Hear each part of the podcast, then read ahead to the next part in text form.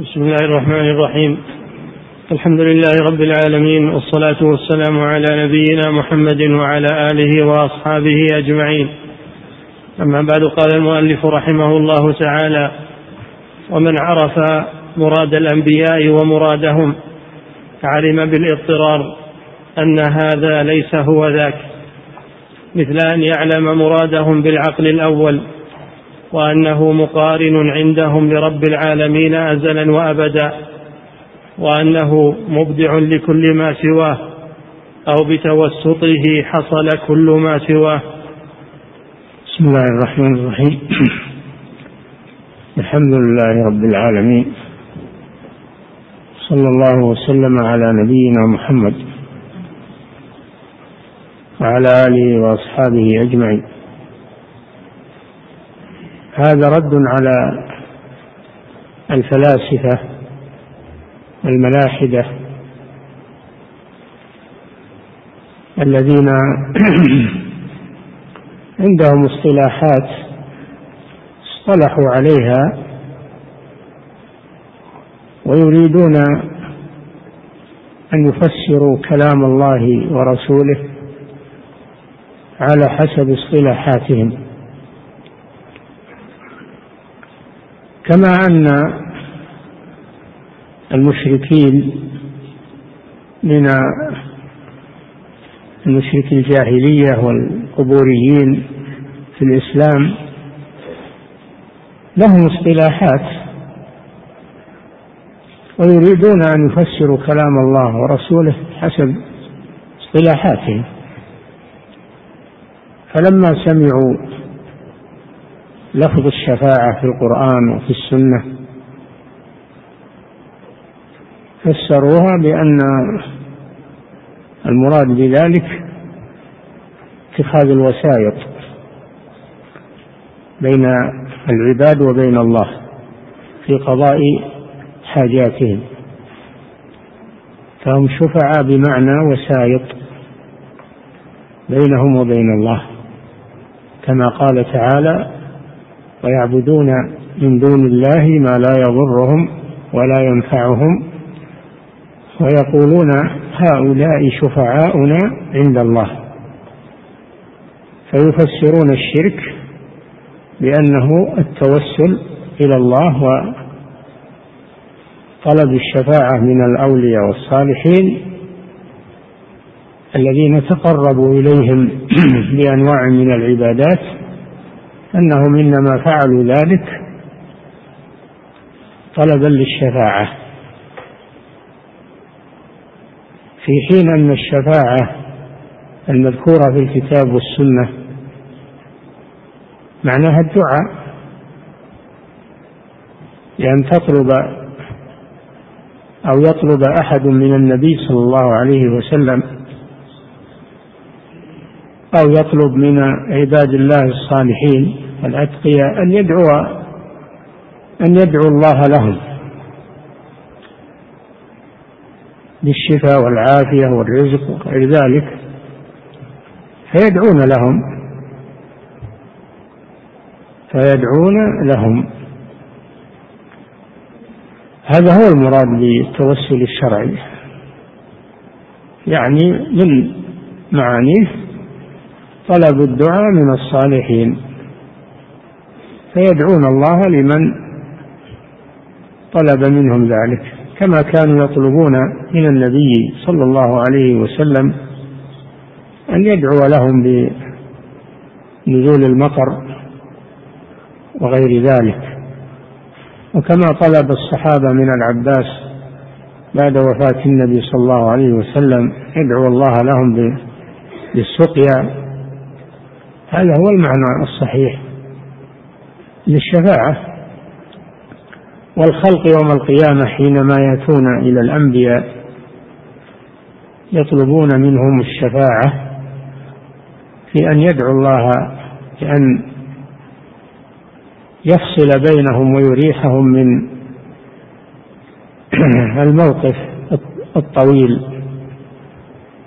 والزحمة الشديدة فيطلبون من أولي العزم من الأنبياء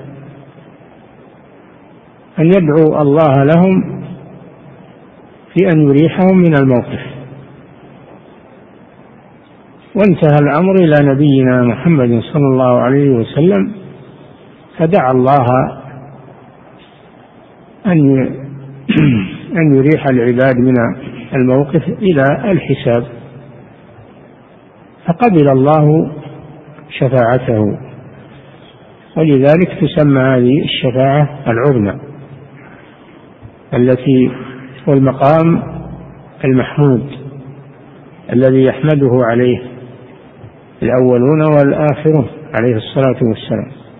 ويتبين فضله عليه الصلاة والسلام في هذا الموقف. هذه هي الشفاعة الشرعية. طلب الدعاء من الحي الحاضر سواء في الدنيا أو في الآخرة.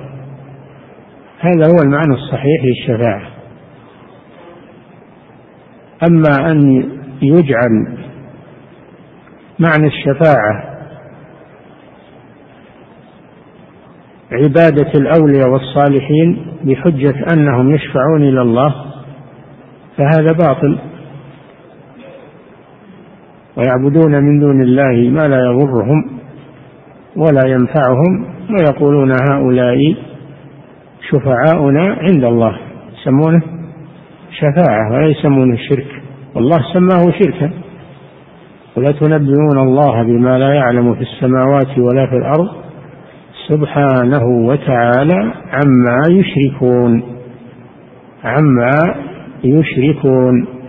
وهم يقولون هذا ليس شركا. وإنما هم شفعاؤنا عند الله. نحن لا نشرك بهم مع الله.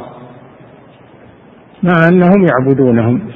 ما نعبدهم إلا ليقربونا.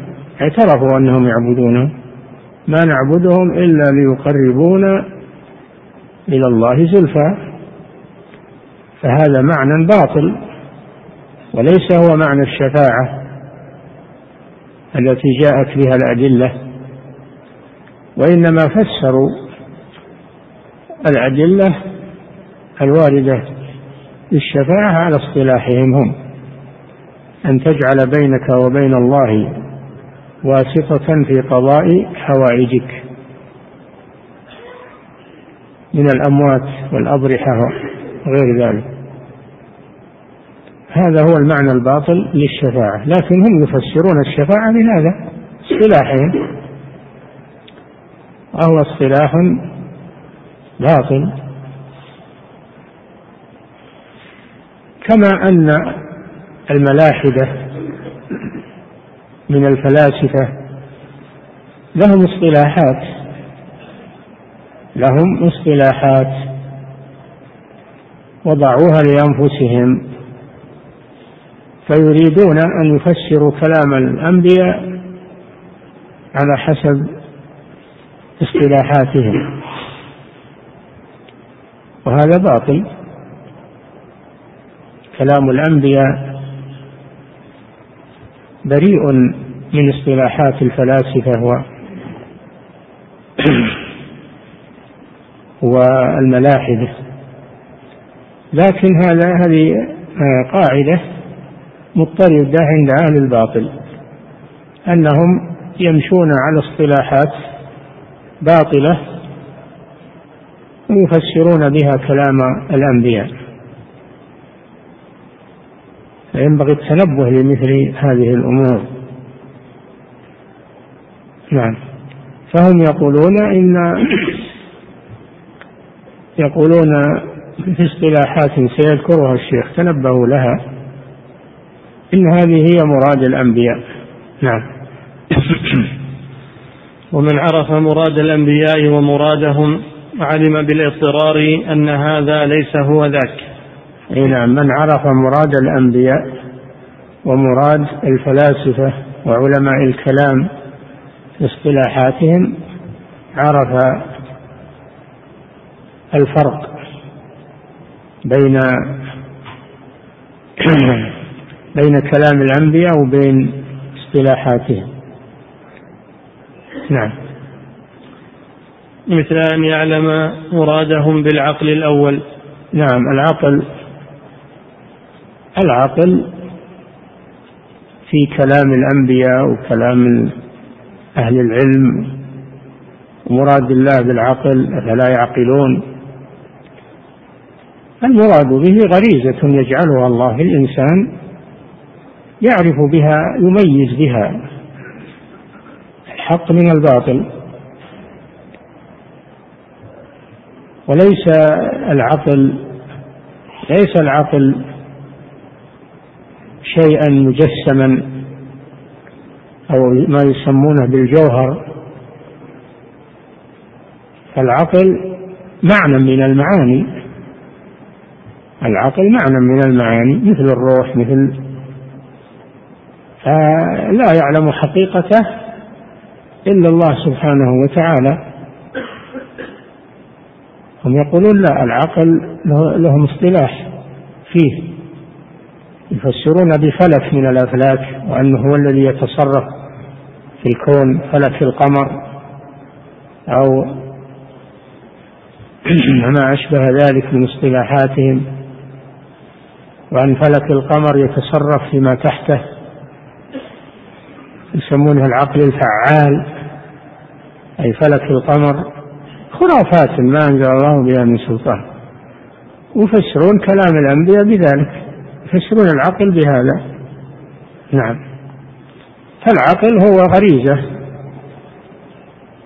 أو صفة تقوم بالإنسان يميز بها بين الحق والباطل والنافع والضار.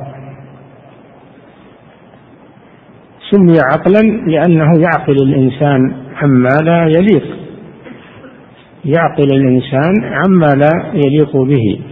تجد اللي ما عنده عقل ما يميز بين الأشياء النافعة ولا الضارة ولا الخير ولا الشر.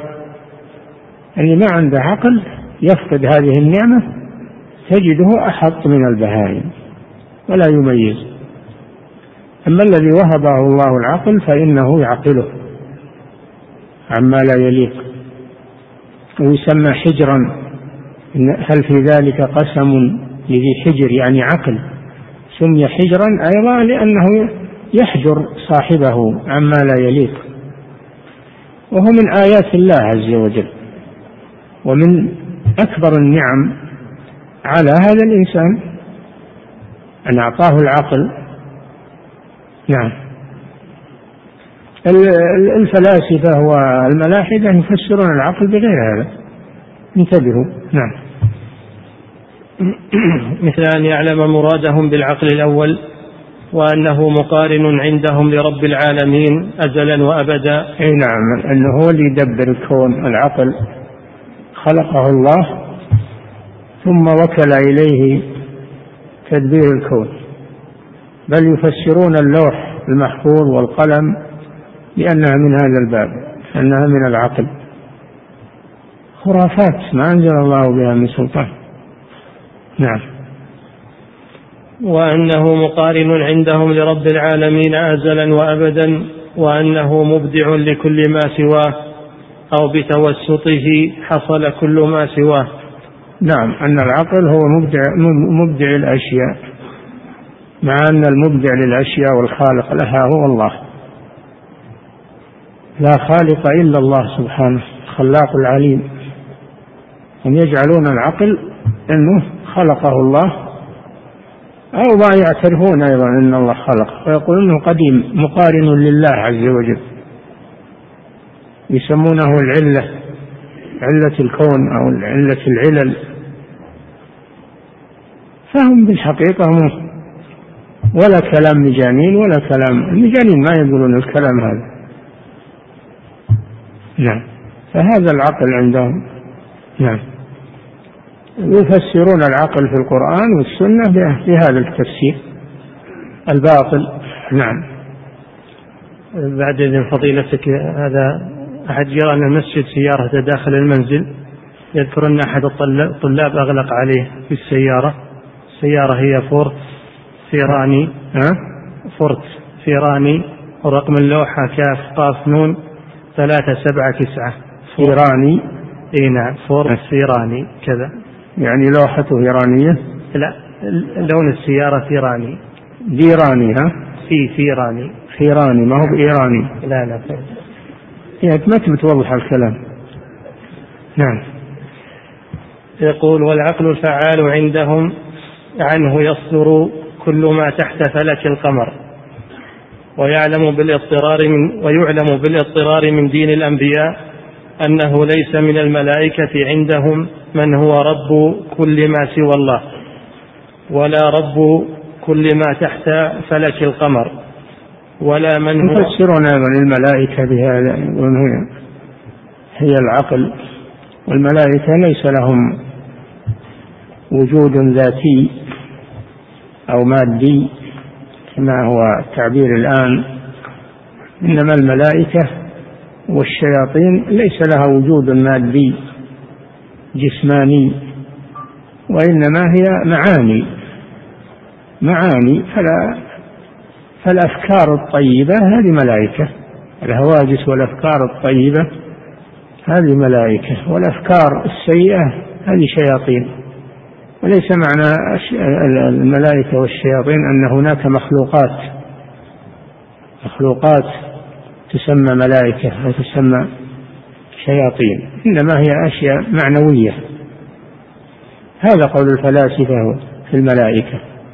ومن نقل مذهبهم ممن ابتلي بهم من المسلمين.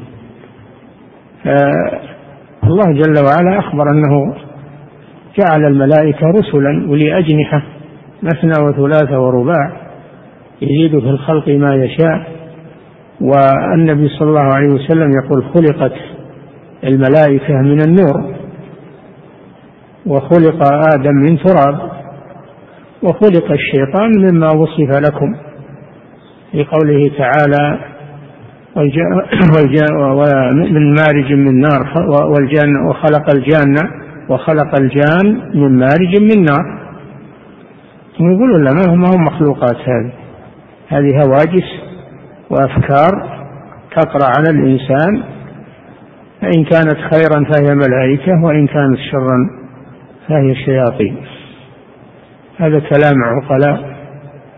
ويفسرون القرآن الملائكة والشياطين بهذا. ما جاء في القرآن من ذكر الملائكة والشياطين يفسرونه به. بمصطلحهم الباطل. فهذه مصيبة أصيب بها بنو آدم من هؤلاء. نعم. ويعلم بالاضطرار من دين الأنبياء أنه ليس من الملائكة عندهم من هو رب كل ما سوى الله ولا الملائكة عباد. الملائكة عباد. قال جل وعلا بل عباد مكرمون. لا يسبقونه بالقول وهم بأمره يعملون. وقال سبحانه يسبحون الليل والنهار لا يفترون. فهم عباد لله عز وجل يعبدون الله ويمتثلون أوامر الله لكون كل موكل بعمل يعمله بإذن الله سبحانه وتعالى. نعم. أنه ليس من الملائكة عندهم من هو رب كل ما سوى الله ولا رب كل ما تحت فلك القمر ولا لا, لا رب إلا الله سبحانه وتعالى وكل المخلوقات كلها الله ربها وخالقها الملائكة والشياطين وغير ذلك. فالله خالق وما سواه مخلوق. نعم. ولا من هو قديم أزلي أبدي لم يزل ولا يزال. وهذا العالم هذا العالم العلوي والسفلي ليس أزليا ليس أزليا بل هو بل هو مخلوق ومحدث.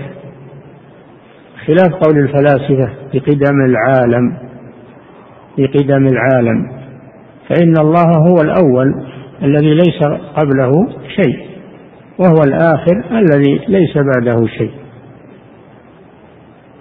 هذا هو عقيدة الرسل والإيمان بالله عز وجل. أنت الأول فليس قبلك هو الأول والآخر والظاهر والباطن. فسره النبي صلى الله عليه وسلم بقوله الأول الذي ليس قبله شيء والآخر الذي ليس بعده شيء والظاهر الذي ليس فوقه شيء. والباطن الذي ليس دونه شيء. ما أحد ما أحد يستر الأشياء عن الله ويحجبها عن الله. ليس دونه شيء يعلم كل شيء سبحانه وتعالى. وهو قريب من عباده سبحانه وتعالى. لا يخفى عليه شيء. فهذا هو ما جاءت به الرسل عليهم الصلاة والسلام. نعم. ويعلم أن ويعلم أن الحديث الذي يروى أول ما خلق الله العقل حديث باطل عن النبي صلى الله عليه وسلم. عندهم أول ما خلق الله العقل. فقال له قم فقام. قال له أقبل فأقبل. قال له أدبر فأدبر. قال ما خلقت مثلك أو نحو من هذا؟ يأتي هذا. هذا باطل. وليس أول ما خلق الله العقل. ليس أول ما خلق الله العقل. ومن الذي يحدد أول ما خلق الله؟ الله لا يزال يخلق سبحانه. لا يزال يخلق. فمن الذي يحدد أولية المخلوقات؟ هذا لا يعلمه إلا الله جل وعلا. فهذا يدل على بطلان هذا الحديث. نعم. ويعلم أن الحديث الذي يروى أول ما خلق الله العقل حديث باطل عن النبي صلى الله عليه وسلم. أول أول ما هو أول؟ أول نعم. أول ما خلق الله العقل حديث باطل عن النبي صلى الله عليه وسلم مع أنه لو كان حقا لكان حجة عليهم. لو كان الحديث حقا فإنه لم يروى بالرفع أول. لكن هم يروونه بالرفع يجعلونه أول المخلوقات. وإنما الحديث الذي جاء على بطلانه أول ما خلق الله العقل قال له قم إلى آخره. يعني أن أنه من حين خلقه قال له قم. أن قيامه وإقباله وإدباره عند بداية خلقه. وهذا لا يدل على أن العقل أول شيء نعم. مع أنه لو كان حقا لكان حجة عليهم فإن لفظه أول ما خلق الله العقل بنصب الأول على الظرفية. نعم لا برفعها كما يقولون. نعم. فقال له أقبل فأقبل ثم قال أدبر فأدبر. فقال وعزتي ما خلقت خلقا أكرم علي منك فبك آخذ وبك أعطي وبك الثواب وبك العقاب. نعم هو أن الله يأخذ بالعقل ويعطي ويثيب ويعاقب صحيح هذا لأن العقل مناط التكليف. العقل مناط التكليف. وأما المجنون الذي ليس له عقل فهذا غير مكلف. هذا لا يؤاخذ ولا يحاسب ولا يكلف لأنه فاقد للعقل. إنما الكلام في أول الحديث أنه أول ما خلق أنه هو أول كل شيء العقل. نعم. فلا شك أن العقل مخلوق. هذا مسلم. ولا شك أنه به يأخذ به يثيب وبه يعاقب وبه يأخذ وبه يعطي هذا مسلم. أما أنه أول المخلوقات وأنه ما خلق شيئا أعز منه هذا باطل. نعم. وروي لما خلق الله العقل. فالحديث لو كان ثابتا كان معناه أنه خاطب العقل في أول أوقات خلقه. إيه خاطب العقل حينما خلقه. لا أنه أول المخلوقات. نعم. وأنه خلق قبله غيره. هذا شك. نعم. وأنه تحصل به هذه الأمور الأربعة لا كل المصنوعات. بلا شك إن هذا تحصل به هذه الأمور الأربعة. به يأخذ وبه يعطي وبه يثيب وبه يعاقب. فقط. أما أنه يتصرف العقل يتصرف في المخلوقات وكل المخلوقات من إيجاده هذا كلام باطل. وكفر بالله عز وجل. كفر بربوبيته. نعم. والعقل في لغة المسلمين. مصدر عقل يعقل عقلا يراد به القوة التي بها يعقل. يعقل. التي بها يعقل. القوة التي بها يعقل الإنسان. قوة ما ما هو شيء موجود مخلوق يرى ويشاهد؟ هل أحد يشاهد عقله؟ يراه؟ لا. إيه مثل الروح. لا أحد يراها ولا أحد يشاهدها. سر من أسرار الله سبحانه وتعالى. فالعقل إنما هو قوة فقط. جعلها الله في هذا الآدمي خصه بها بين المخلوقات. فهو ليس يقوم ويقعد ويقبل ويدبر كما كما ذكروا. نعم. يراد به القوة التي بها يعقل. وعلوم وأعمال تحصل بذلك. هي بالعقل يعني يدرك بالعقل علوم وأعمال بعقله وتفكيره يدرك الأشياء الضارة ويدرك الأشياء النافعة بهذا العقل. وهو من عجائب مخلوقات الله سبحانه وتعالى. نعم. لا يراد به قط في اللغة جوهر قائم بنفسه. الجوهر والعرض. العرض ما يقوم بغيره ما يعرض ويزول. أما الجوهر فهو المادة يسمونها الآن المادة الجسمية. فالعقل ليس من هذا القبيل. نعم. فلا لا يراد به قط في اللغة جوهر قائم بنفسه. فلا يمكن أن يراد به هذا المعنى. العقل لا يقوم بنفسه ويستقل وإنما يقوم بغيره يقوم بالإنسان. نعم. فلا يمكن أن يراد هذا المعنى بلفظ العقل مع أننا قد بينا في مواضع أخر فساد ما ذكروه من جهة العقل الصريح. نعم. بين الشيخ في رده على على هؤلاء. الفلاسفة في كتبه الأخرى بين هذا بتوسع. نعم. وأن ما ذكروه من المجردات والمفارقات ينتهي أمرهم فيه إلى إثبات النفس التي تفارق البدن بالموت. وإلى إثبات ما تجرده النفس من المعقولات القائمة بها. فالعقل مثل النفس يعني الروح. مثل النفس. التي تحل في الإنسان وتخرج وتفارق البدن بالموت. العقل كذلك صفة من الصفات التي لا يعلمها إلا الله. يجي ويروح في الإنسان يفقد ويوجد وبه يتصور الإنسان الأشياء. مثل ما إن إنه بالروح كذلك يتحرك ويمشي ويأكل ويشرب مدة بقائها في جسمه. نعم. ويحس ويرى. نعم. ويسمع ما دامت الروح فيه.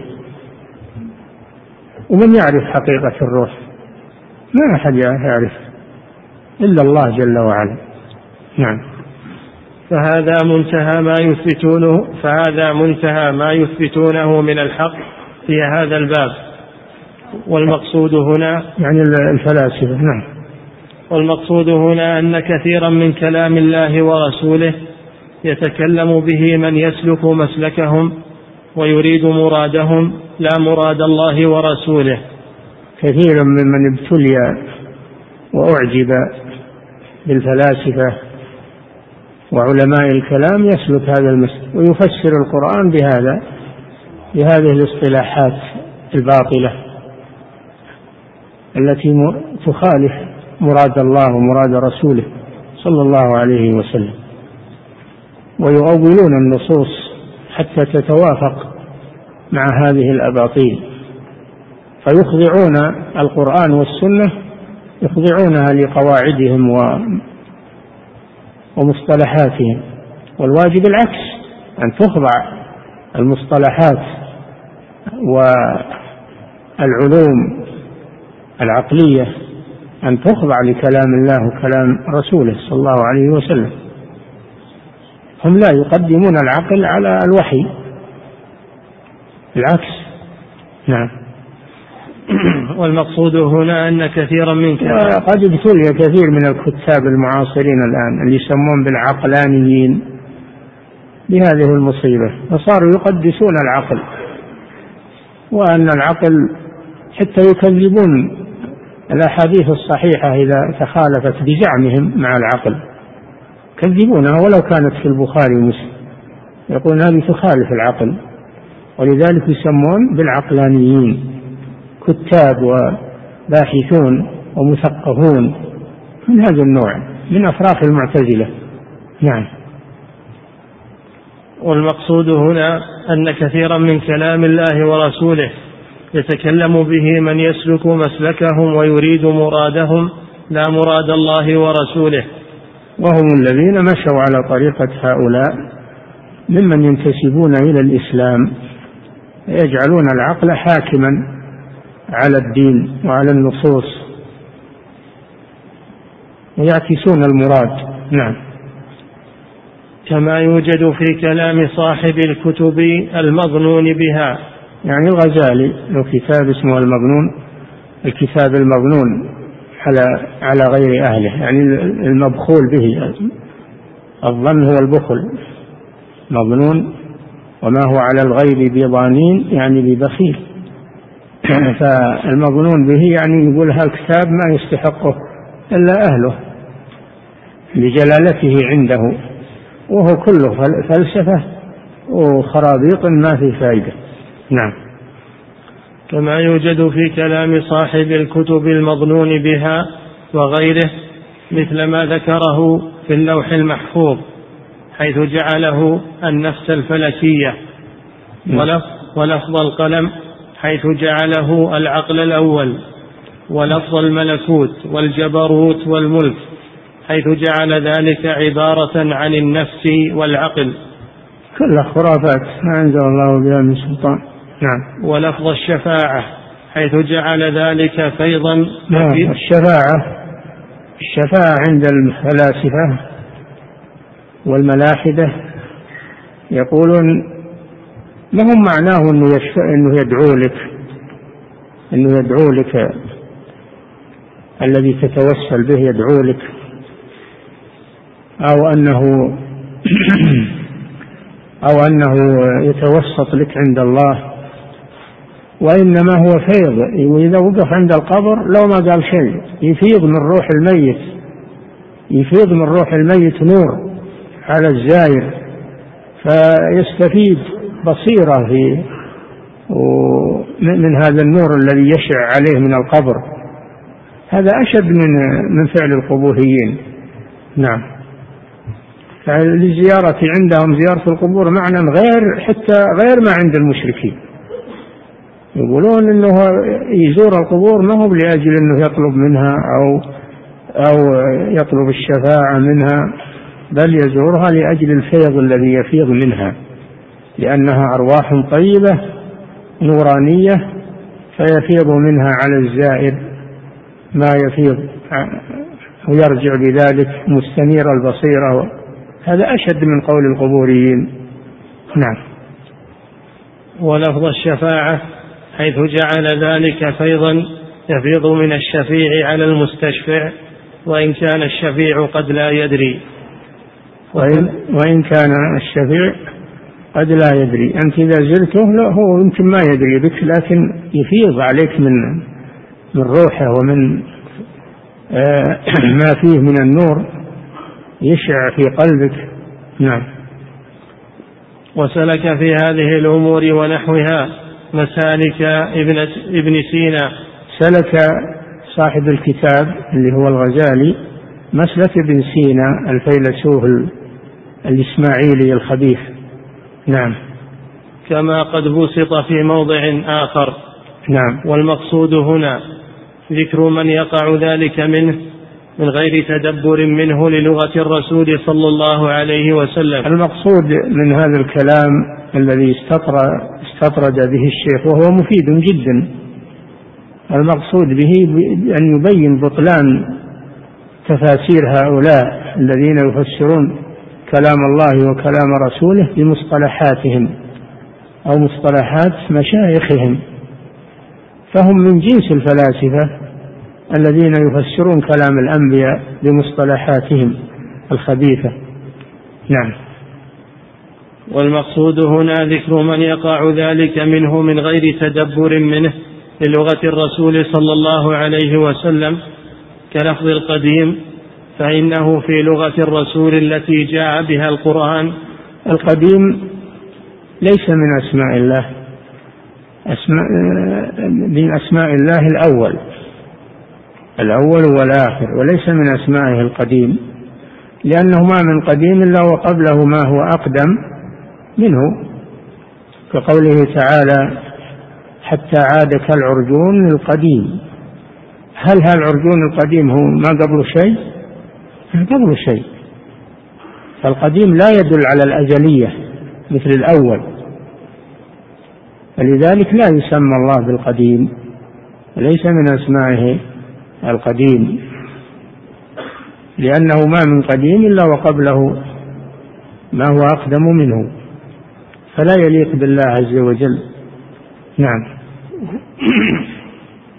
كلفظ القديم فإنه في لغة الرسول التي جاء بها القرآن خلاف الحديث وإن كان مسبوقا بغيره. القديم خلاف الحديث. خلاف يقال قديم وحديث يعني جديد. وما من قديم إلا وقبله ما هو أقدم منه. نعم. كقول الله تعالى حتى عاد كالعرجون القديم. والقمر قدرناه منازل. منازل القمر اللي هي تسع وعشرين منزلة أو ثلاثين. تسع وعشرين إن كان الشهر ناقصا أو ثلاثين إن كان الشهر وافيا. هذه منازل كل ليلة ينزل في منزلة حتى يستكملها. يقطعها كلها في شهر. يقطعها كلها في شهر كل ليلة في منزله. قدرناه منازل. حتى عاد كالعرجون القديم انتهى إلى أن يكون يشبه العذق اليابس عذق النخلة. تعرفون العرجون؟ العرجون عذق النخلة اليابس. ما هو بيلتوي ويصير كأنه هلال مثل الهلال يصير. هذا العرجون القديم. القديم ضد العرجون الحديث. العرجون القديم يعني مضى عليه وقت. ولذلك لمضي الوقت عليه يبس وانحنى. نعم. حتى صار الهلال يشبهه. نعم. وقال الله تعالى عن إخوة يوسف تالله إنك لفي ضلالك القديم. لما قال يعقوب عليه السلام إني لأجد ريح يوسف لولا أن تفندون. قالوا تالله حتى حلفوا تالله إنك لفي ضلالك القديم. ما يمكن تبي تجي ريح يوسف. منين تجي؟ فصار الواقع كما كما حصل ليعقوب عليه السلام.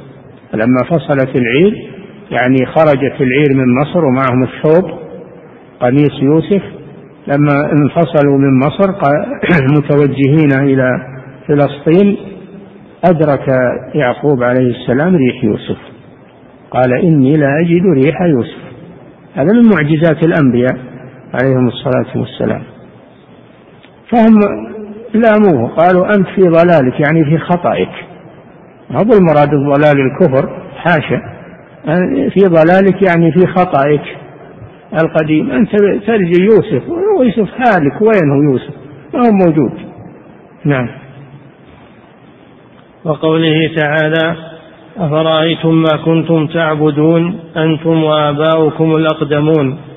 هذا يقوله له الذين عنده اللي ما سافروا المصر والذي سافروا المصر ورأوا يوسف وأعطاهم القميص. ما قالوا هذا؟ اللي قالوها الجالسين في في البلد. نعم. وقوله تعالى أفرأيتم ما كنتم تعبدون؟ أنتم وآباؤكم الأقدمون. الأقدمون. جمع قديم. فكل جيل بعده جيل. الجيل الأول يسمى قديم نسبي. قديم القدم النسبي لأن ما من قديم إلا وقبله. ما هو أقدم منه؟ نعم. وهو عند أهل الكلام. عبارة عما لم يزل أو أو عما لم يسبقه وجود غيره.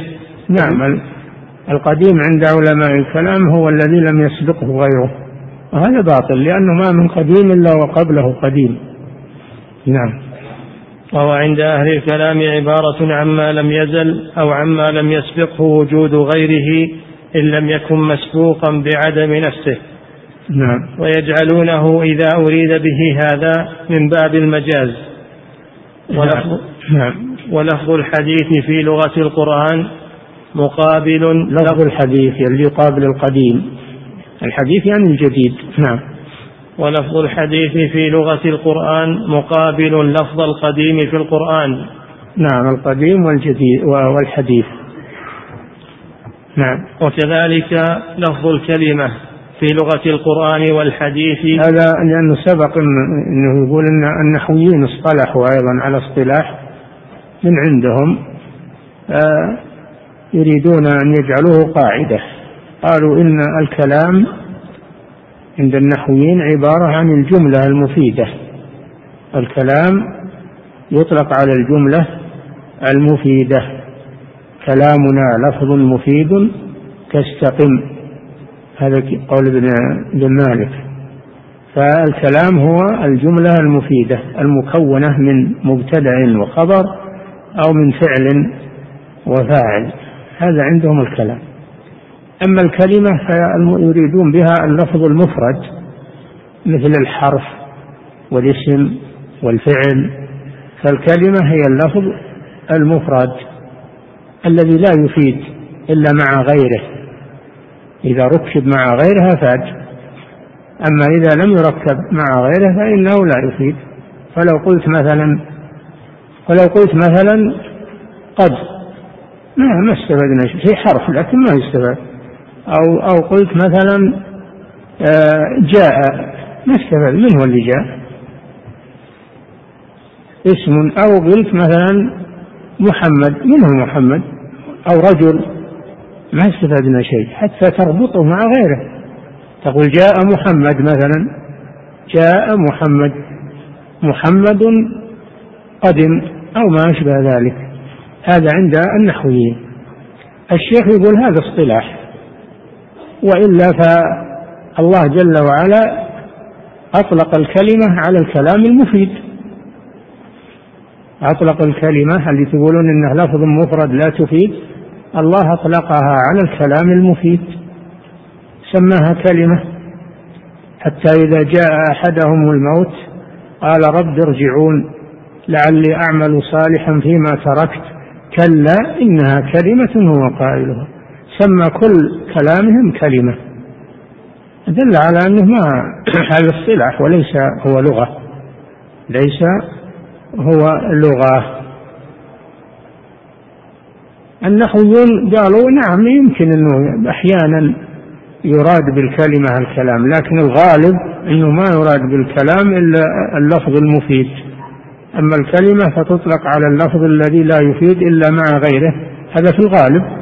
وقد يراد بالكلمة الكلام جابوه من باب القلة ولهذا يقول الناظم وكلمة بها كلام قد يؤم يقصد يعني. وهذا اصطلاح. اصطلاح النحويين. ولا فرق بين الكلام والكلمة. كل منهما مفيد. نعم.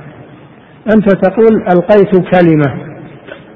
ألقيت كلمة في الحفل الفلاني. هل معنى أنك وقفت وقلت فاء ولا عين؟ لا. ألقيت كلمة يعني خطبة أو محاضرة. كلام طويل يسمى كلمة. هذه لغة العرب. نعم. فالحاصل أن اصطلاح النحويين ما يحكم به على اللغة العربية. ما يحكم به على اللغة العربية. والقصد من هذا كله الرد على الذين يفسرون الكتاب والسنة بمصطلحاتهم الخاصة. نعم. وكذلك لفظ الكلمة في لغة القرآن والحديث وسائر لغة العرب إنما يراد بها الجملة التامة. نعم. إنما يراد بها الجملة التامة. أعد. وكذلك لفظ الكلمة في لغة القرآن والحديث. نعم. وسائر لغة العرب. إنما يراد بها الجملة التامة. والنحويون يقول لا ما يراد بها الجملة التامة وإنما يراد بها اللفظ المفرد فقط. واسم وفعل ثم حرف الكلم يقول النوم هذا على اصطلاح النحويين. ولذلك هو قال هذا قال كلامنا كلام من؟ النحويين يعني. كلام النحويين اصطلاح يعني. نعم. وكذلك لفظ الكلمة في لغة القرآن والحديث وسائر لغة العرب إنما يراد بها الجملة التامة كقول النبي صلى الله عليه وسلم كلمتان حبيبتان إلى الرحمن خفيفتان على اللسان ثقيلتان في الميزان. سبحان الله وبحمده سبحان الله العظيم. فسمى سبحان الله وبحمده كلمة. سبحان الله العظيم كلمة. مع أنها جملة. مع أنها جملة. سبحان الله وبحمد هذه جملة. وليست لفظا مفردا. سبحان الله العظيم هذه جملة أيضا. دل على أن الكلمة تطلق على الجملة. لا كما يقوله النحويون الكلمة تطلق على اللفظ المفرد الذي لا يفيد إلا مع غيره. نعم.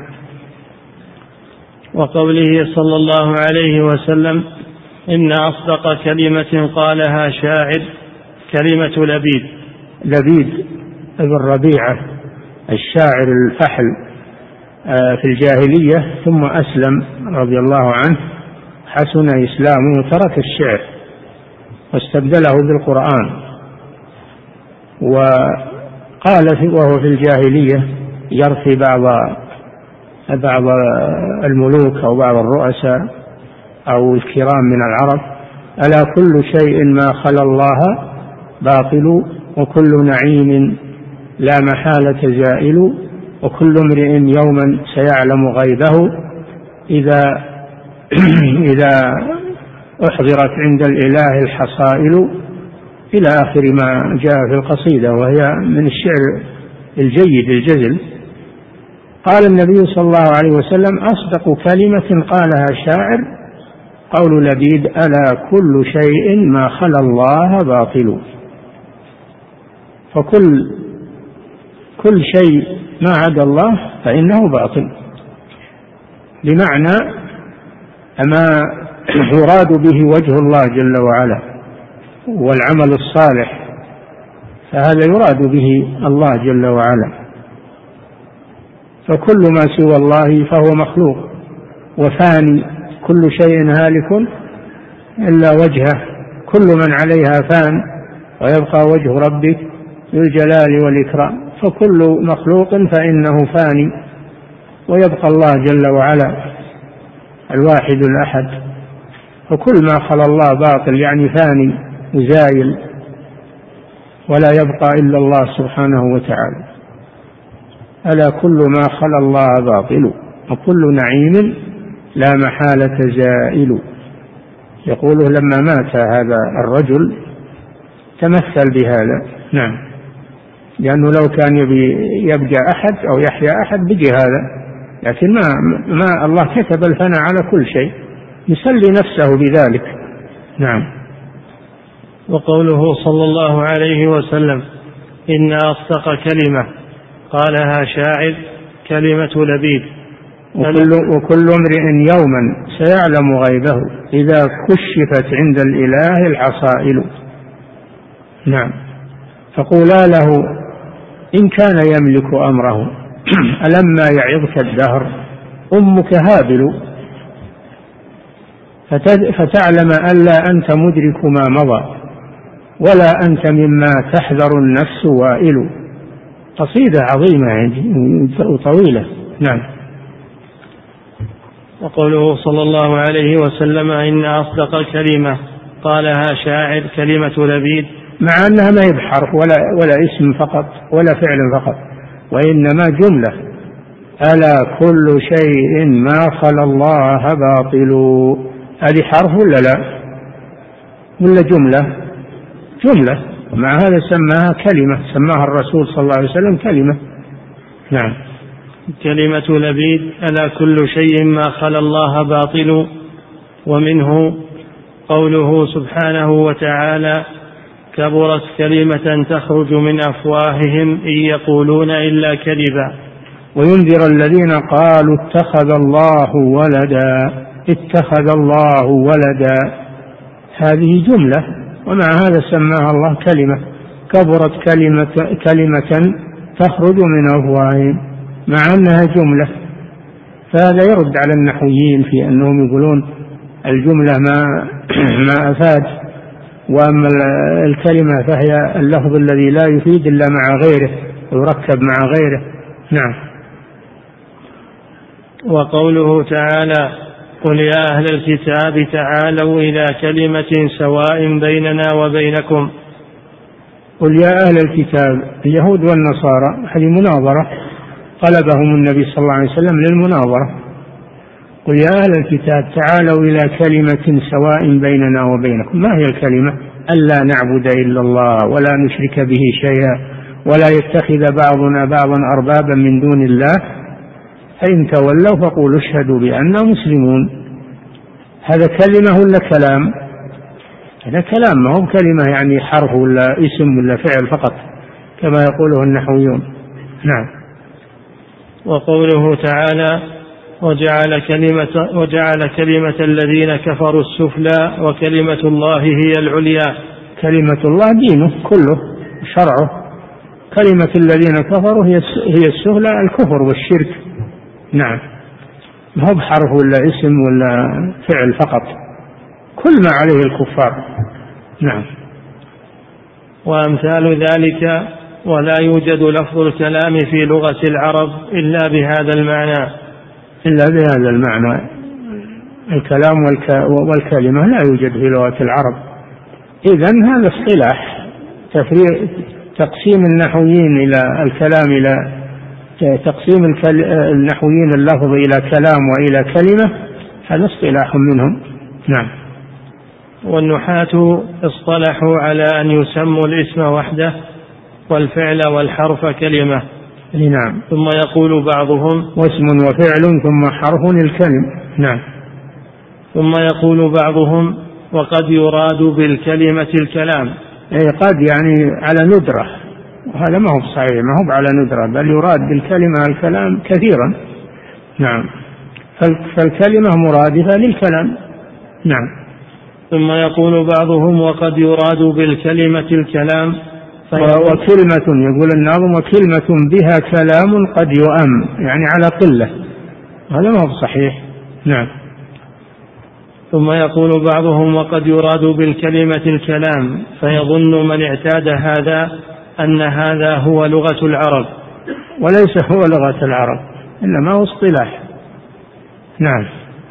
وكذلك لفظ ذوي الأرحام في الكتاب والسنة أنتم تعرفون الشيخ رحمه الله يفيض في الأمور ويستطرد لأجل الفائدة وتأصيل لأجل تأصيل الشيء وتقعيده. نعم. حتى يرسخ. نعم. وكذلك لفظ ذوي الأرحام في الكتاب والسنة لفظ ذوي الأرحام. في اصطلاح الناس أو بعض يعني كثير من الناس إن ذوي الأرحام هم الورثة فقط. مع ذوي الأرحام كل من تربطك بهم قرابة من جهة الأب أو الأم سواء كانوا وارثين أو غير وارثين. الاصطلاحات لا تحكم على الوضع الأصلي. نعم. وكذلك لفظ ذوي الأرحام في الكتاب والسنة يراد به الأقارب من جهة الأبوين فيدخل فيهم العصبة وذوو الفروض. وإن شمل ذلك من لا يرث بفرض ولا تعصيب. ثم صار ذلك في اصطلاح الفقهاء اسما لهؤلاء دون غيرهم. يعني للورثة فقط الذين يرثون بفرض أو تعصيب. يسمونهم يسمونهم ذوي الأرحام. بل إنهم الفرويين يسمون ذوي الأرحام هو الذي لا يرث لا بفرض ولا بتعصيب. مثل الخال والخالة والجد من قبل الأم والجدة والجد من قبل الأم وجدة الأم وما أشبه ذلك يقولون هؤلاء ذوي الأرحام هو من لا يرث بفرض ولا تعصيب. هذا اصطلاح فرضي. ذوي الأرحام يشمل يشمل الورثة وغيرهم يشمل القرابة. نعم. ثم صار ذلك في اصطلاح الفقهاء اسما لهؤلاء دون غيرهم فيظن من لا يعرف إلا ذلك. يعرفون ذوي الأرحام يقولون من لا يرث لا بفرض ولا بتعصيب وإنما يرث بالرحم المجردة فقط. فهذا اصطلاح. نعم. فيظن من لا يعرف إلا ذلك أن هذا هو المراد بهذا اللفظ. ذوي الأرحام. نعم. أن هذا هو المراد بهذا اللفظ في كلام الله ورسوله وكلام الصحابة. نعم. ونظائر هذا كثيرة. نعم. ولفظ التوسل ولفظ التوسل والاستشفاع. هذا رجع إلى الأصل. لما جاب لكم هالأمور هذه ويقرر هذه القاعدة رجع إلى الأصل الذي هو يتكلم فيه. نعم. ولفظ التوسل والاستشفاع ونحوهما دخل فيها من تغيير لغة الرسول وأصحابه ما أوجب غلط من غلط عليهم في دينهم ولغتهم. التوسل في كلام الله ورسوله الوسيلة الوسيلة في كلام الله ورسوله الأعمال الصالحة. ابتغوا إليه الوسيلة أي القرب القرب منه سبحانه تقربوا إليه بالأعمال الصالحة. هذا هو الوسيلة. في كتاب الله وسنة رسوله. لكن عند المخرفين يقولون لا الوسيلة أن تجعل بينك وبين الله واسطة من الخلق. هذه هي الوسيلة تجعل بينك وبين الله واسطة من الخلق. وهذا ليس في كتاب الله ولا في سنة رسوله صلى الله عليه وسلم. الوسيلة تطلق ويراد بها الأعمال الصالحة التي تقرب إلى الله. هذا في الكتاب والسنة. ويطلق أيضا الوسيلة على ما ذكره النبي صلى الله عليه وسلم من القصر الذي في الجنة. وقال لا ينبغي أن يكون إلا لعبد صالح وأرجو الله أن أكون هو. فإذا فاسألوا الله لي الوسيلة. اسألوا الله لي الوسيلة. لما أمر بمتابعة المؤذن ثم قال عليه الصلاة والسلام بعد ذلك سألوا الله لي الوسيلة فإنها منزلة في الجنة. هذا في هذا في الحديث. ومعنى ثالث هو الباطل. إذا الوسيلة بمعنى العمل الصالح هذا صحيح وهذا لغة القرآن. الوسيلة بمعنى المنزلة في الجنة هذا صحيح وكلام الرسول صلى الله عليه وسلم. الوسيلة بمعنى اتخاذ المخلوقين وسائط بين السائل وبين الله هذا باطل. وهذا هو الاصطلاح اللي يريدونه. يقولون ابتغوا إليه الوسيلة اجعلوا بينكم وبين الله وسائط وإذا قلت لهم هذا الشرك قالوا لا هذا وسيلة والله أمر باتخاذ الوسيلة. إننا نجعل وسائط يفسرون كلام الله باصطلاحهم الباطل. هذه مصيبة جدا. نعم. ولفظ التوسل والاستشفاع ونحوهما دخل فيها من تغيير لغة الرسول وأصحابه. ما أوجب غلط من غلط عليهم في دينهم ولغتهم. والعلم والعلم يحتاج إلى نقل مصدق صدق إلى نقل مصدق نقل إلى نقل مصدق ونظر محقق. أي نعم العلم يحتاج إلى أمرين. إلى نقل ثابت عن الله ورسوله وإلى علم صحيح تفسير كلام الله كلام رسوله وبيان الفقه الذي فيهما. هذا هو العلم الصحيح. نعم. والعلم يحتاج إلى نقل مصدق ونظر محقق. والمنقول عن السلف والعلماء يحتاج إلى معرفة بثبوت لفظه ومعرفة دلالته. نعم. هذا معنى نقل مصدق. يعني يعرف ثبوت نقله ثم يعرف دلالته. هذا المعنى المحقق. هذا هو العلم الصحيح. نعم. والمنقول عن السلف والعلماء يحتاج إلى معرفة بثبوت لفظه ومعرفة دلالته كما يحتاج إلى ذلك المنقول عن الله ورسوله. نعم. فهذا ما يتعلق بهذه الحكاية. الحكاية التي مرت لمالك مع أبي جعفر المنصور فإن جاء فيها ألفاظ لم يقلها مالك رحمه الله ولا تنطبق. على مذهبه.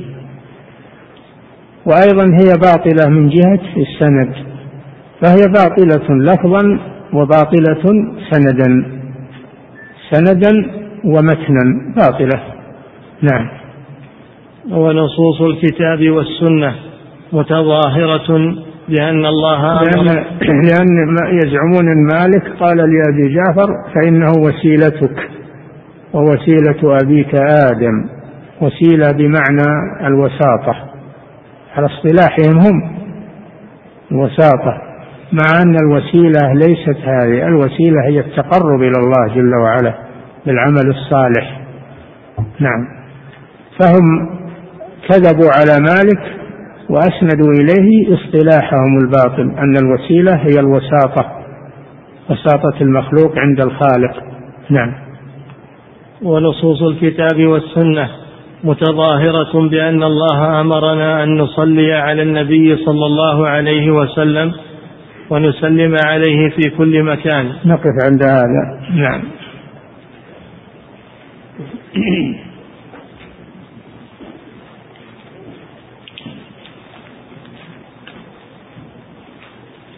يقول فضيلة الشيخ وفقكم الله آمل من فضيلتكم أن يوضح لنا الفرق بين قوله أول ما خلق الله القلم بالنصب وبالرفع وما الذي يترتب على ذلك عند الفلاسفة؟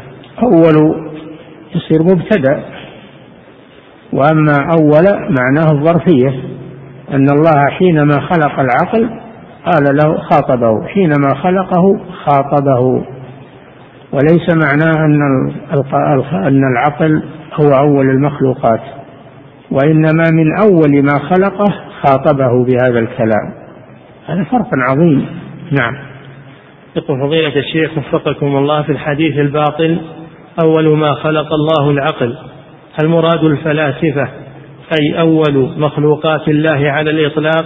أي نعم أي نعم. أو مرادهم أنه هو أول المخلوقات على الإطلاق. بل عندهم بل عندهم أن المخلوقات قديمة أزلية.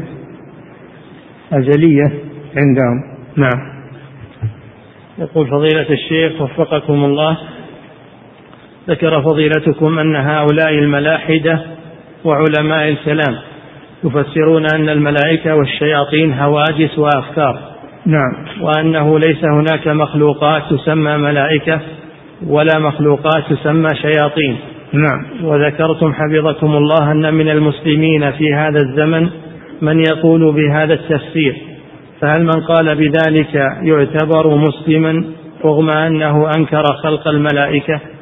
إن كان متعمدا إن كان متعمدا فليس بمسلم وإما إن كان مقلدا أو ناقلا فهذا لا يعتبر مخطئا وضالا لكن لا يكفر يعذر بجهله وبعدم قصده.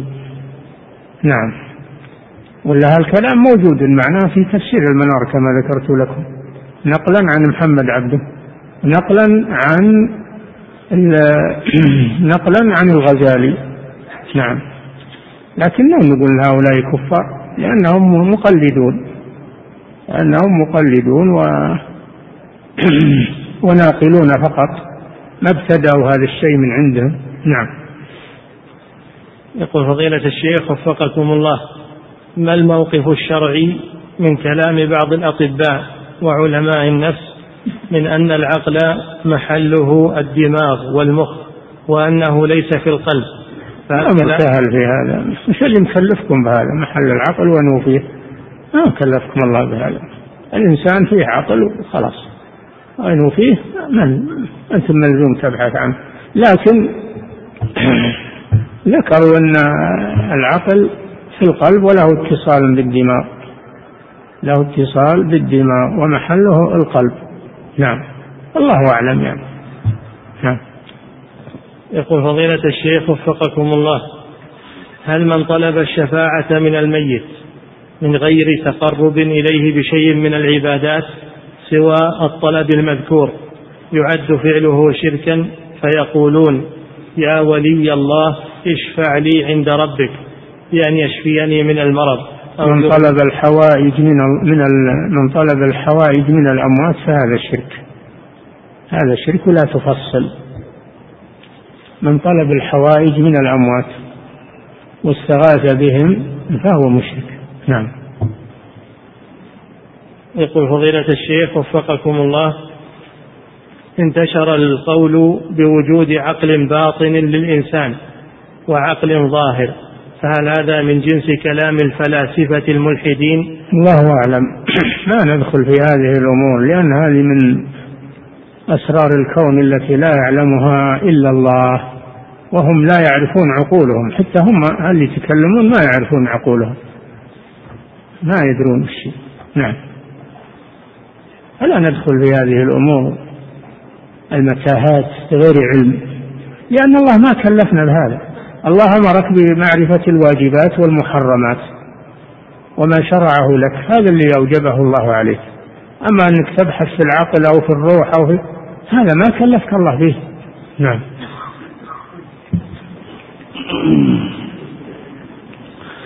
الله أكبر الله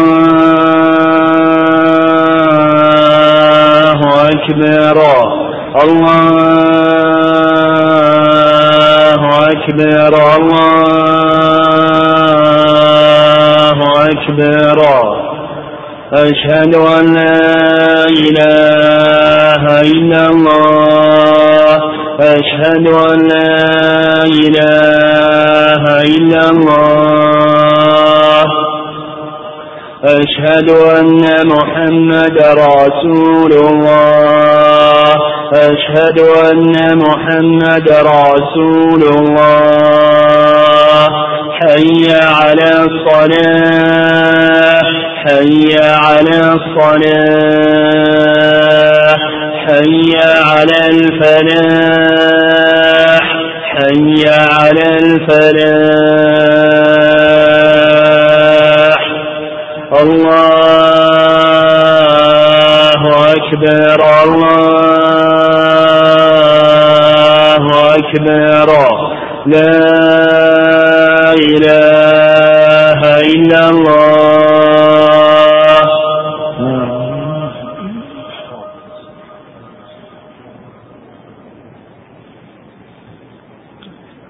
نعم.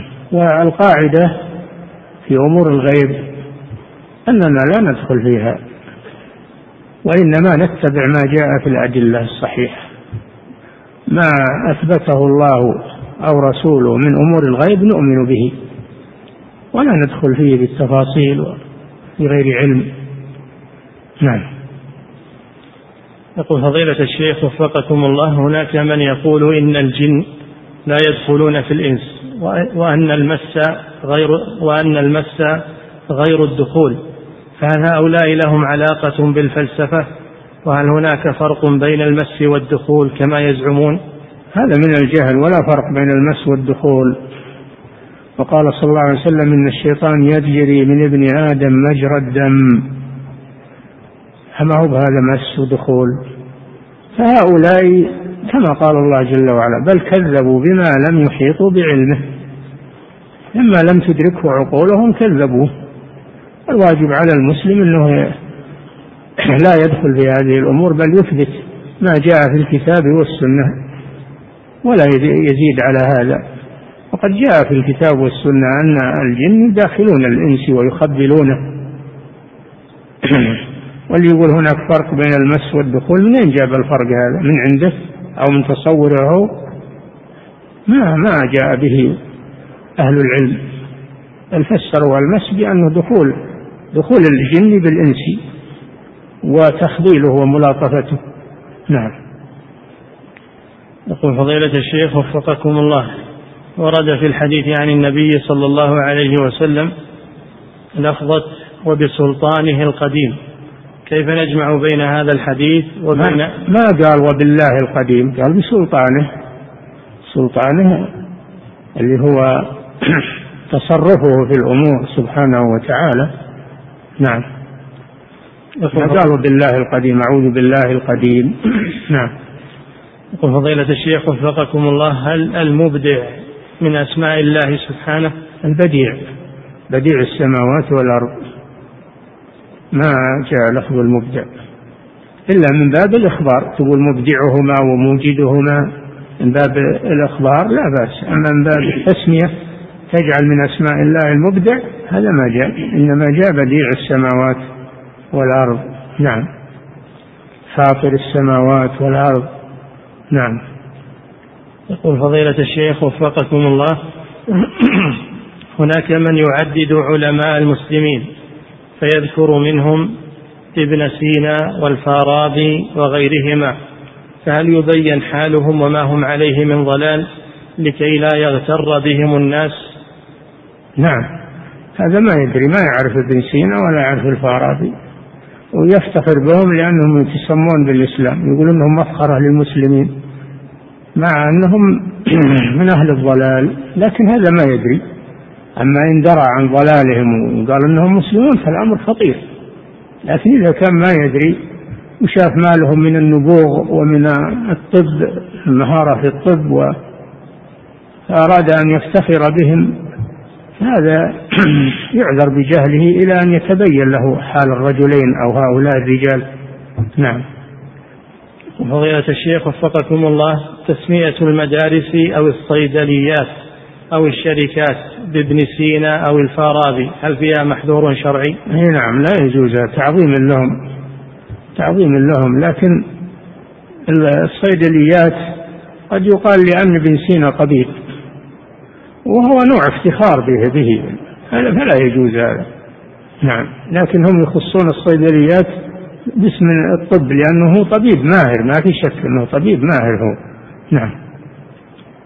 يقول فضيلة الشيخ وفقكم الله أشكل علي كثيرا ما ذكره شيخ الإسلام ابن تيمية رحمه الله في كتبه من مسألة القول بحوادث لا أول لها.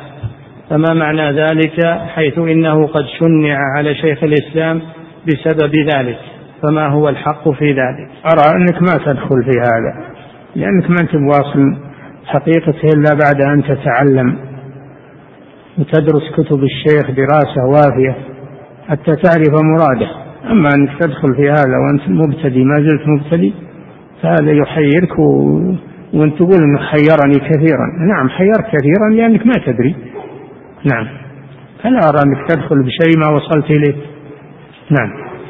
يقول فضيلة الشيخ وفقكم الله قول لبيد وكل نعيم لا محالة زائل.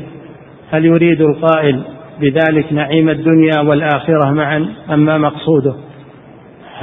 ما يريد نعيم الآخرة؟ يريد في الدنيا هي اللي تزول وتفنى. فاللي بيحمل كلامه شيء ما قصده هذا ما هو صحيح. نعم. يقول فضيلة الشيخ وفقكم الله هل تحديد قبر القريب من أم أو أب أو غيرهما له أصل في الشرع؟ إيه؟ هل تحديد قبر القريب من أم من أم أو أب أو غيرهما له أصل في الشرع في الشرع إذا كان القصد الزيارة مستقبلا لهما؟ نعم لا بأس بذلك. يعني هذا قصد حسن. أو أن يعرف هذه القبور لأجل أن يزورها ويسلم عليها ويدعو لها. هذا قصد حسن لا بأس به. وقد جاء أن النبي صلى الله عليه وسلم وضع حجرا على قبر عثمان بن مضعون لأجل أن يعرفه به في زيارته. نعم. يقول فضيلة الشيخ وفقكم الله. لكن ما يجعل عليه شيء يقرأ أو كتابة أو يكتب اسمه أو يجعل عليه رقم نهى صلى الله عليه وسلم عن الكتابة على القبور فلا يكتب عليه. إذا وضع عليه شيء ما يعرفه إلا هو مثل خط ولا عصا ولا شيء ما يعرفه إلا هو فلا بأس. نعم. يقول فضيلة الشيخ وفقكم الله هل هناك فرق بين قاعدة جليلة في التوسل والوسيلة وبين كتاب التوسل والوسيلة؟ هو هذا. قاعدة جليلة هو التوسل والوسيلة. نعم. يقول فضيلة الشيخ وفقكم الله عندنا في الجنوب. وش على الكتاب؟ وش على طرة الكتاب؟ وش مكتوب؟ قاعدة جليلة في التوسل والوسيلة. وكيف يسأل هذا؟ وهو مكتوب عليه قاعدة جليلة. نعم. يقول فضيلة الشيخ وفقكم الله عندنا في الجنوب يقول الشخص لآخر خذوه افعلوا به كذا أدخلوه في جهنم والضمير عائد للجن. فما حكم هذا؟ وما الرد على من يقول إن هذا دعاء للحاضر فيما يقدر عليه ويقول إن الجن حاضرون معنا. وش يدري إنهم حاضرون معنا؟ ويشوفون هذا باطل وهذا شرك. هذا دعاء الغائبين ودعاء الجن والاستنجاد بالجن هذا شرك. شرك صريح بلا شك. فيبين هذا لهم ويحذرون من هذا الشيء. نعم. يقول فضيلة الشيخ وفقكم الله هناك من يقول إن الأشاعرة نسبتهم خمس وتسعون بالمئة من المسلمين وينتسب لهم الكثير من علماء المسلمين ومفكريهم فكيف يكونون على ضلالة؟ ما هي بالعبرة بالكثرة يا أخي؟ العبرة بمن هو على الحق ولو هو واحد. العبرة بمن كان على الحق ولو كان واحدا. وأما من كان على غير الحق ولو كانوا كثيرين لا عبرة بهم قال تعالى وإن تطع أكثر من في الأرض يضلوك عن سبيل الله. فالعبرة بالذي عليه الحق بالذي يسير على الحق والجادة الصحيحة. هي بالعبرة بالكثرة؟ نعم. يقول فضيلة الشيخ وفقكم الله ما معنى كلمة الإمام ابن الجوزي رحمه الله؟ إن سبب ضلال إن سبب ضلال العالم هو قياس الغائبات بالمشاهدات. ما معنى هذا الكلام؟ واضح. نعم. اللي يقيس أمور الدنيا على أمور الآخرة يقيس أمور الآخرة على أمور الدنيا هذا قياس عقلي ولا يجوز. فأمور الآخرة لها حال فلا تعلم نفس ما أخفي لهم من قرة أعين جزاء بما كانوا يعملون. وإن كانت بعض الأسماء موجودة في الدنيا وموجودة في الآخرة مثل مثل الرمان والنخيل والأعناب فيختلف ما في الجنة من الأعناب وما فيها من النخيل وما فيها من الرمان يختلف عما في الدنيا. ولا يمكن أنه يشترك معه إلا في الاسم. ولهذا قال عبد الله بن عباس رضي الله عنهما ليس في الدنيا مما في الجنة إلا الأسماء الأسماء فقط. وأما الحقائق فهي تختلف. خذ مثلا خذ مثلا الخمر. الخمر في الدنيا خبيثة أليست كذلك؟ أم الخبائث. لكن شراب أهل الجنة من العسل المصفى. لا فيها غول ولا هم عنها ينزفون. تختلف يعني عن خمر الدنيا. فما في الآخرة يختلف عما في الدنيا ولا يقاس. نعم. يقول فضيلة الشيخ وفقكم الله هناك بعض الأشرطة المسجلة التي تقرأ فيها المتون وذلك للمساعدة على حفظها ومن ضمن تلك الأشرطة متون الأحاديث فتقرأ بطريقة الرجل وصلا وقطعا فما حكم قراءتها بهذه الطريقة؟ والله ما أدري عنها لما أسمعها وأشوف. ما أحكم عليها إلا إذا سمعتها. نعم. يقول فضيلة الشيخ وفقكم الله هل الكلام في المسجد بكلام من ولا هو المقصود الحفظ. أنا أشوف الناس بلو يتهافتون على الحفظ. المقصود الفهم الفهم والفقه فيها ولا لو تحفظ الصحاح والمسانيد وأنت لا تفهمها ما في فائدة تكلف نفسك بدون فائدة خلها بالكتاب الكتاب أضبط منك. إنما المقصود الفهم. ولو كان حفظك قليل مع الفهم خير كثير. أما حفظ كثير مع عدم الفهم ما لا فائدة فيه. نعم. يقول فضيلة الشيخ وفقكم الله الكلام في المسجد بكلام من كلام الدنيا. هل ورد أنه يأكل الحسنات؟ إذا كثر. إذا كثر نعم يشغل عن ذكر الله والمساجد إنما هي لذكر الله عز وجل والعبادة فإذا كثر في المسجد فإنه لا شك أنه منهي عنه. نعم. يقول فضيلة الشيخ وفقكم الله هل التشبيك بين الأصابع بين الأذان والإقامة منهي عنه أم أن النهي منسوخ؟ الذي يمشي إلى الصلاة أو جالس ينتظر الصلاة لا يجوز له أن يشبك بين أصابعه لنهيه صلى الله عليه وسلم عن ذلك. أما بعد فراغ الصلاة فلا بأس.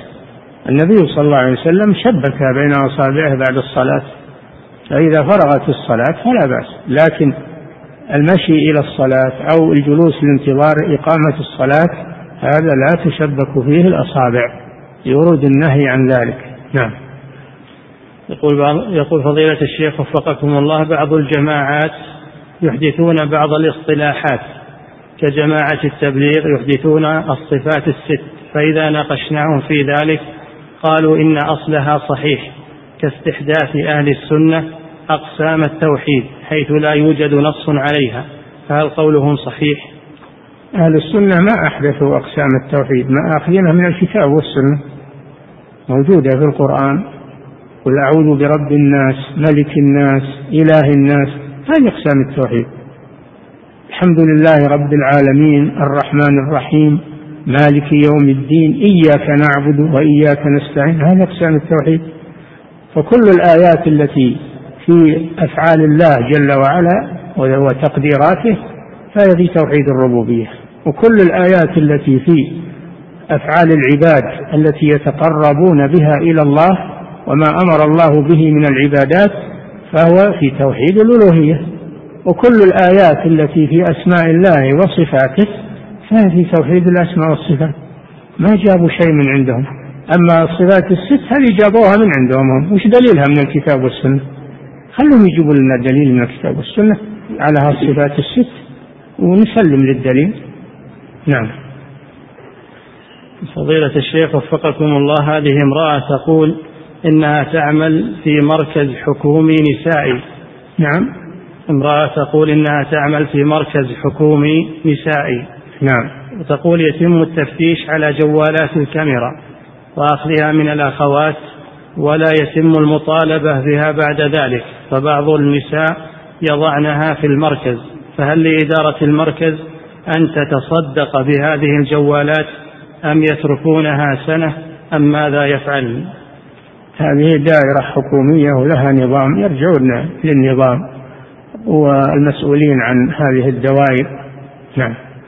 يقول فضيلة الشيخ وفقكم الله إذا دخل الإنسان إذا دخل الإنسان المسجد والدرس قائم فما الأولى في حقه؟ أن يصلي تحية المسجد أم يجلس ويستمع للدرس مباشرة؟ لا إذا كان بيجلس للدرس أو لغيره. يصلي تحية المسجد. قوله صلى الله عليه وسلم إذا دخل أحدكم المسجد فلا يجلس حتى يصلي ركعتين. نعم. يقول فضيلة الشيخ وفقكم الله هذه العبارة تكتب على بعض السيارات وهي على كف القدر نمشي ولا ندري عن المكتوب فهل هي عبارة صحيحة؟ كف القدر هذه من جاب كف القدر.